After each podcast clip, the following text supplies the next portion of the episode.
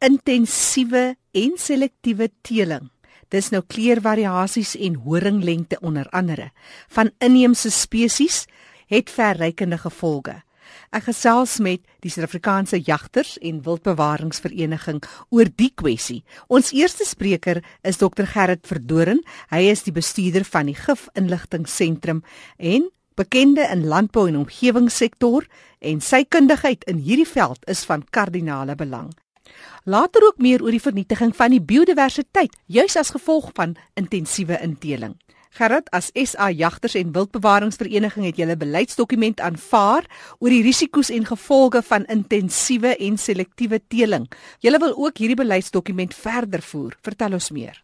Ons het al begin met Fred en Lizaan en ons spesifieke president bewaring Brian Riley het 'n afspraak gehad met die minister om te gaan sê maar ons het 'n bekommernis oor hierdie ontploffing van die intensiewe teel van wild in Suid-Afrika as gevolg van die disinvestering wat dit veroorsaak in breë ekonomiese groot ekonomiese areas vir bewaring, intensifisering daarvan en as gevolg van die ekologiese impak daarvan. So die plek om te begin met enige aanslag is nie op die grondvlak nie, maar bo by die ministeriële vlak nie. En ons het vir hulle verduidelik op die hoë politieke vlak dat die staat namens die regering het 'n grondwetlike verpligting om seker te maak dat die land se biodiversiteit word bestuur op die regte manier ter wille van al die mense in Suid-Afrika. Ook in terme van ons internasionale konvensie waar ons behoort, byvoorbeeld die konvensie op biodiversiteit wat vir ons sê jy moet julle biodiversiteit op 'n bepaalde manier bestuur. Nou um, in terme van daai argument is die staat die weesheer van alles wat leef en beef in hierdie natuur in Suid-Afrika.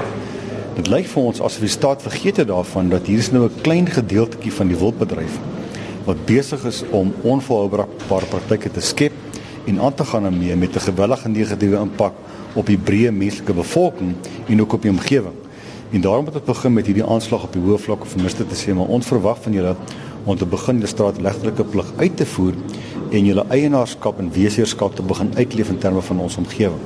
En op dié manier te kyk na ordentlike beleidsdokument en daar te kom 'n regulatoriese raamwerk om hierdie hele stelsel te kan bestuur ter wille van die omgewing en ter wille van die mense want jy kan nooit omgewing bestuur en van die mense vergeet nie.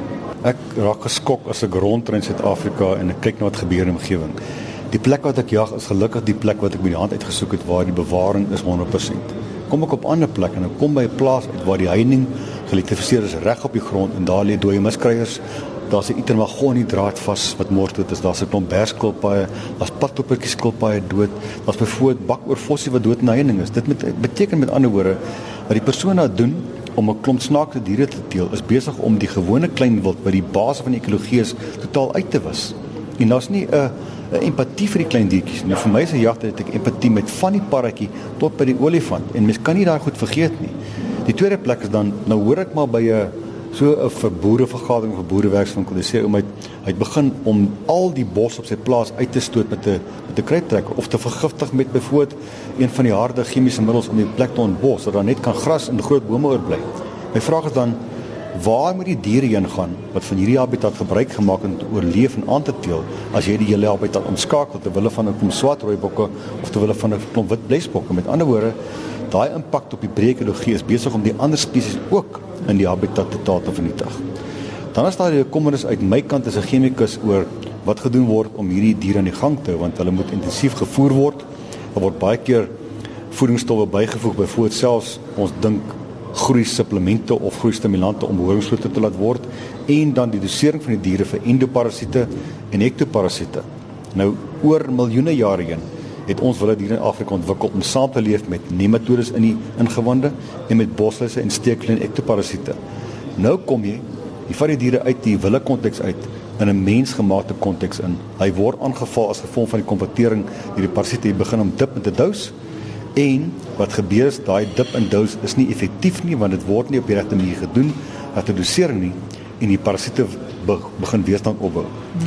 Daardie parasiete spoel oor van hierdie intensief geteelde wild na die wilde bokke toe buitekant en na die boere se beeste en skape in ander goed buitekant en op die ouende skep ons superparasiete wat jy op geen manier in 20 jaar van nou kan mee beheer op 'n chemiese manier nie en dit gaan vir ons veebedryf en die vrylopende wildbedryf 'n katastrofe afgee. So dis maar 'n paar van die punte wat 'n ou bekommer maak oor hierdie konteks. En dan as ek my wiki kan opsit as 'n deel van die predasie bestuursforum is dat daar hierdie ongenaakbare negatiewe gevoel teenoor roofdiere. En so mate dat ek begin oproep kry van mense wat kla oor die feit op hulle plase kom daar aardwolwe voor. Nou aardwolf is 'n termietvreter. Omdat nou 'n roofdier is, het die mense negatiewe konnotasie. Hy gaan my rooibakke opvreet of die ou breinjene wat eintlik maar eksklusief dan ehm, 'n um, aardvetter wat hier en daar miskien 'n lam sal vat. Nou word hy voor die voet doodgemaak want hy gaan nou 'n impak hê. En op die ou en dis skep ons hierdie totale wanbalans as gevolg van een praktyk om 'n klomp geld te maak uit 'n klomp slaakse diere wat ons as jagters in elk geval glad nie wil hê nie. So jy sê daar's 'n groot leemte ten opsigte van opvoeding. Mense ja, weet nie altyd. Ja, ek dink daar's as ek nou luister na die navraag wat na my toe kom van mense af Hulle klim in die bedryf in. Hulle het geen idee van ekologiese bestuur, genietiese bestuur of die breë omgewing nie, maar hulle wil die ding aanpak want hulle kan geld maak en onkunde is waarskynlik die grootste wapen in die uitwissing van natuurlewe. Kom manifesteer die ander kleure sodanig en soveel makliker en soveel meer gereeld ten opsigte van natuurlike voortplanting. Kyk, in die bevolking kom daar definitief hierdie kleurvariante voor. Mm. Daar's byvoorbeeld wit, daar's byvoorbeeld goue goed, daar's swart goed. Nou daai aantal diere in die bevolking is so klein, dis weglaatbaar klein. Maar wat nou gebeur is nou gaan sekere dele van die wildbedryf gaan haal die swart element uit Hy gaan al nog 'n swart een uit te begin inteling doen om so daai identifiseer spesifiek ja, daai draad. Ja, want jy gaan nou uit om daai deel van die bevolking te amplifiseer of te vermeerder op 'n kunsmatige manier. En dis al maniere om dit kan doen is om te gaan met inteling of met lynteling. En die oomblik as jy dit begin doen, begin jy diere dan wat ons gebruik die woord domestiseer, dan word jy doen dit mensgemaakte maniere en die nagevolg van inteling sal enige boer vir jou vertel is jy begin die negatiewe eienskappe uit die gene uitlig en dan word diere gebore op die ouende wat biologies gekompromiteer is. Die stem daarvan dokter Gerrit Verdoren. Ons volgende spreker is Dr. Cindy Haper, veearts en genetikus van Onderste Poort, en sy wat veral 'n wetenskaplike perspektief gee op genetika, maar eers meer oor teeling teenoor inteling. Um, wel teeling is basies die paring van twee verskillende diere met mekaar. Waar inteling is die paring van twee diere wat verwant is aan mekaar. Dit is wat inteling is van die interessanthede wat jy agtergekom het, is toe nou nie heeltemal so interessant ten opsigte van dat dit anders is nie, maar vertel ons meer daaroor. Wel, een van die goed wat ons nou ontdek het, is die mutasie wat die swart impala veroorsaak. En dis dit is juist waar ons belangstel om die spesifieke mutasies agter te kom wat die kleurvariante veroorsaak en wat hulle verdere effek op die diere ook is. So dit is vir ons baie belangrik. Nou kan ons kyk na die die ehm um, frekwensie waarop hierdie draer diere in die natuurlike populasies voorkom en ons kan mense ook help om die beste diere te selekteer want nou kan hulle draers kies wat ander baie goeie eienskappe het om in hulle teelprogramme te sit. Nou die draer impala van die wat die swart mutasie dra lyk heeltemal normaal. Hy wys geen tekens dat hy wel 'n draer is nie. En dis waar die genetiese toetse so belangrik raak want dan kan 'n mens hierdie diere selekteer om vir jou spesifieke kleurvariante te teel maar nog steeds hoef jy dan nie diere met swak eienskappe in jou teelprogram te sit nie. Want jy kan die beste draers selekteer. Obviously hulle is goedkoper, maar ook um baie keer is die draers van baie goeie kwaliteit en jy wil daai goeie kwaliteite ook indruk. As 'n mens kyk in 'n neutedop en dit alles saamvat, dan is daar tog goed soos etiese of ons kan nou nou praat van verantwoordelikheid teenoor die dier. Wat gebeur anders in die inteling in die proses dat daai draer bok dat dit nie manifesteer sonder inteling sonder die prosesse nie of gebeur dit net minder wat is die reaksie daarop Wel, mense wil graag met diere teel wat nie verwant is aan mekaar nie. Dit is belangrik dat jy genetiese variasie in jou teelprogram hou. Dit is die belangrikste ding. Um jy wil die diere eh, geleentheid gee om natuurlik kan te kan aanpas in hulle omgewing om nie um vatbaar te wees vir interne eksterne parasiete nie.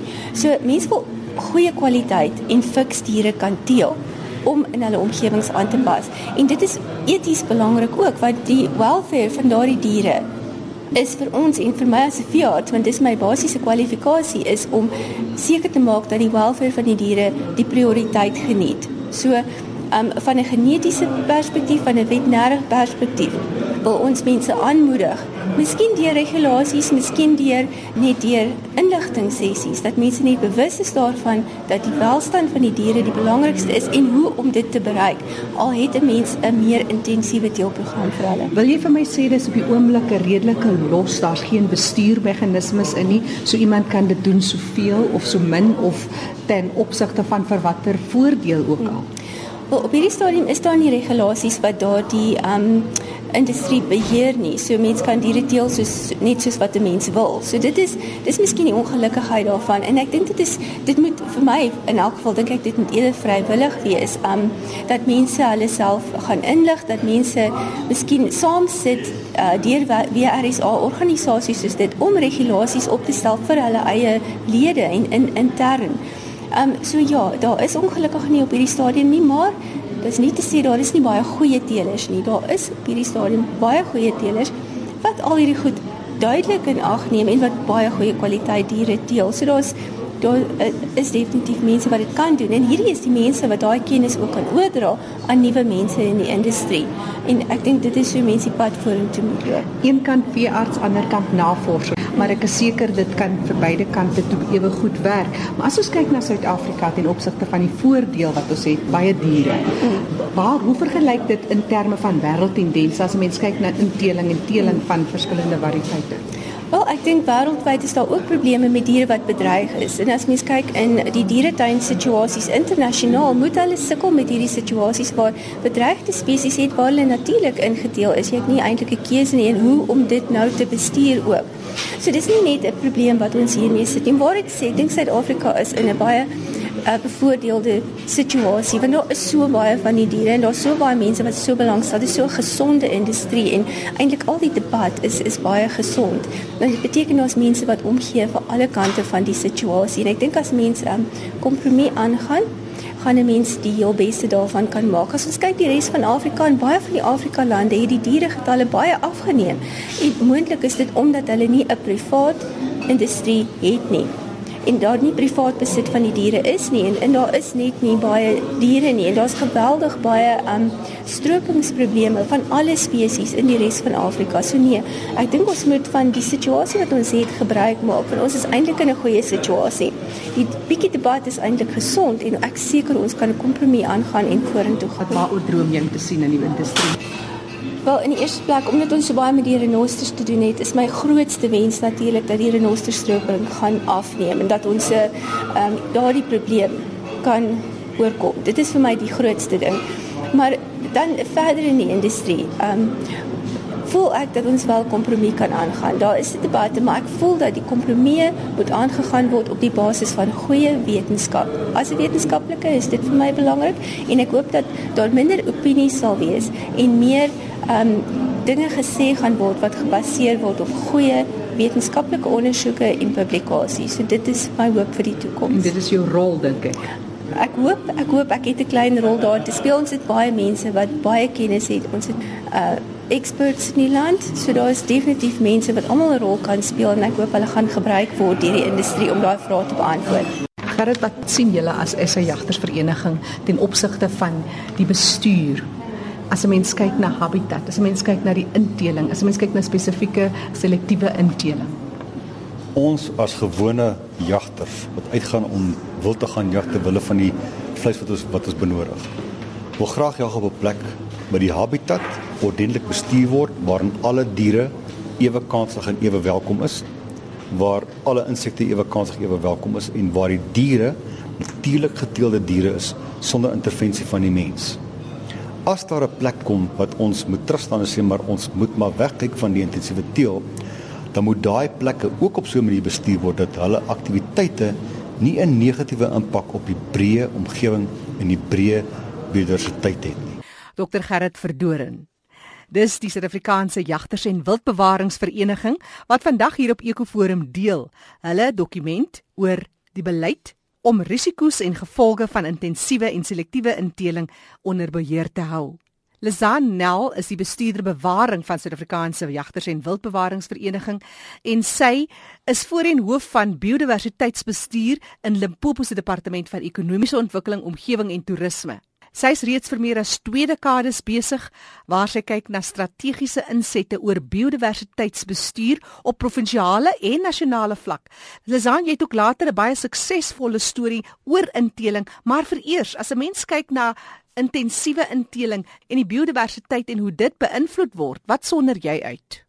Ehm um, weet jy vir my gaan dit daaroor dat biodiversiteit is soos ons water, dis 'n nasionale erfenis. Dit behoort nie aan iemand nie, dis die land se erfenis. So wat wat ons ook al doen as dit kom by ons biologiese hulpbronne, moet ons kyk dat ons dit doen tot voordeel van die groter gemeenskap. En heidaglik as mens kyk na die impakte wat daar is op ekstensiewe ekstensiewe areas waar daar nog steeds natuurlike veld is, um, is daar geweldig baie kompetisie in terme van grondgebruik. En ons gaan moet kyk dat ons finansiële modelle ontwikkel vir hierdie ekstensiewe areas wat kan kompeteer met goed soos mynbou en bosbou en ehm um, selfs die intensiewe teel van wild. Want as ons dit nie doen nie gaan ons hierdie areas verloor en dis die areas wat vir ons suurstof gee wat vir ons water voorskaf wat help in terme van um, insekte wat die landboubedryf aan die gang hou, uh, wat koolstofsekwestrering doen en dis nie goed wat altyd na gekyk word in terme van rand en sent nie. Maar hierdie areas maak ook 'n baie groot bydrae in terme van die privaat sektor se rol in bewarings ehm um, doelwitte, goed soos bewaring van renosters en wilde honde en sensitiewe habitatte in vlei lande. So as die privaat sektor disinvesteer in hierdie ekstensiewe areas omdat dit nie 'n finansiëel lewensvatbare grondgebruik is nie, dan gaan ons regtig implikasies kry wat vir die nasie as 'n geheel nadelig gaan wees en nie net vir 'n paar individue nie. Nou, dis die een kant van die muntstuk. Daar's baie grond wat byvoorbeeld aannames op grond, daar's boere wat op baie groot lande sit. Daar's baie intensiewe boerdery wat in baie areas aan die gang is. As 'n mens byvoorbeeld net kyk en vandag het ons baie gefokus op die inteling en die teeling van van ander spesies. Dit gaan natuurlik ook tot 'n mate oor finansiële gewin vir die eienaar, ook reg so tot 'n mate, maar hoe sien jy dit deurgetrek kry tot tot by Jan Ansana? Ek dink die groot ding is dat daar soveel in terme van ekonomiese groei het. Elkeen van ons het 'n bydrae om te maak wat ons kan maak in terme van verantwoordelike ekonomiese groei. Want ons wil tog nie sien dat daar mense is wat honger is en wat nie kos het nie en wat nie werk het nie. So almal van ons kan 'n bydrae maak. Maar hoe maak ons daai bydrae? Ons moet daai bydrae op 'n verantwoordelike manier doen. En die strategie wat SA Jag en Bewaring voorstel is dat ons na 'n geïntegreerde grondgebruiks plan kyk, maar wat fokus op die wildindustrie en die natuurlewe ekonomie. Want dit dit sal vir ons 'n langtermyn volhoubare strategie gee waar ons kan werk skep vir mense, waar ons vir hulle kan ehm um, beter lewenskwaliteit gee as wat hulle heilig het. Want in hierdie plattelandse areas is baie van die mense is is direk afhanklik van die natuurlike hulpbronne. Maar as ons hierdie nodes skep, dan dan skep ons ekonomieë van skaal wat regtig goeie werksgeleenthede vir mense kan skep, eerder as wat jy individuele plase een hier en een daar het wat nie die vermoë het om daai impetus te te te skep waar jy regtig goeie volhoubare ekonomiese groei kan kry en volhoubare werksgeleenthede en so kan kry. So ek dink dis die rol wat privaat sektor en gemeenskappe kan speel in terme van die groter ekono ekonomiese groei van Suid-Afrika. Ja, want as jy kyk na landbou teenoor mynbou, dis amper onregverdig om die een met die ander te vergelyk op 'n omgewingsvlak is dit eintlik heeltemal ver gesog. Ja, maar ek dink as mens nou 'n geïntegreerde grondgebruiksplan kry, dan sal daar 'n ruimte wees vir bosbou byvoorbeeld, want ons het dit ook nodig. Ehm um, maar as ons die bosbou het in die areas wat primêre watervoorsiening doen, is dit nie noodwendig die beste grondgebruik vir daai area nie. So ons moet geïntegreerd hierna kyk en ons beplanning so doen dat ons bepaalde aktiwiteite fokus in areas waar die impak op die omgewing minimaal is, want ons moet ver verantwoordelik wees vir die die waarde toevoeging wat ons doen in terme van ekonomiese ontwikkeling moet volhoubaar wees op die lang termyn. Hmm. Wat is van die suksesse wat jy sou deel? Wat is van daai goed wat vir jou opgewonde gemaak het? Al die suksesse nog nie ja. heeltemal so uh, Nee, daar's Nee, daar's wonderlike suksesse. Een van die suksesse is byvoorbeeld dat ons het die eerste wille hond bevolking gekry wat op gemeenskapsgrond ehm um, geteel het en die gemeenskap het daai willehondbevolking geakkommodeer. Hulle is nie doodgemaak nie. Ehm um, daar's hulle die gemeenskap het skade gelei byvoorbeeld as gevolg van die wilde honde wat hulle kalvers gevang het. Maar omdat daar 'n groter inisiatief is en baie opvoeding en inligting gedeur gegee is, het die gemeenskap daai wilde hondbevolking geakkommodeer. Een van die ander suksesse is daai selfde gemeenskap is nou besig. Dit? dit is rondom Melmouth omgewing. Een van die ander suksesverhale is dat daai gemeenskap nou saam met privaat sektor besig is om met die regering te onderhandel om een van die regeringsreservate moontlik te begin bestuur. Want hulle het goeie suksesse op die areas waar hulle is omdat hulle in vennootskappe is met privaat sektor. En hierdie gemeenskap het nou byvoorbeeld in vergelyking met ander gemeenskappe wat ook deur grondrestitusie grond gekry het doen hulle baie goed in terme van hulle produksie terwyl in van die ander areas waar hulle nie die vennootskappe gehad het nie, is hulle produksie baie af. So hierdie samewerkingsooreenkomste tussen gemeenskappe, privaat sektor en die staat is besig om geweldige goeie vrugte af te hmm. gee. Lizan Nel wat gesels het, sy is bestuurder bewaring van Suid-Afrikaanse Jagters en Wildbewaringsvereniging. En die laaste woord in vandag se deel van die kwessie kom van Fred Kamfer, uitvoerende hoof van Suid-Afrikaanse Jagters en Wildbewaringsvereniging.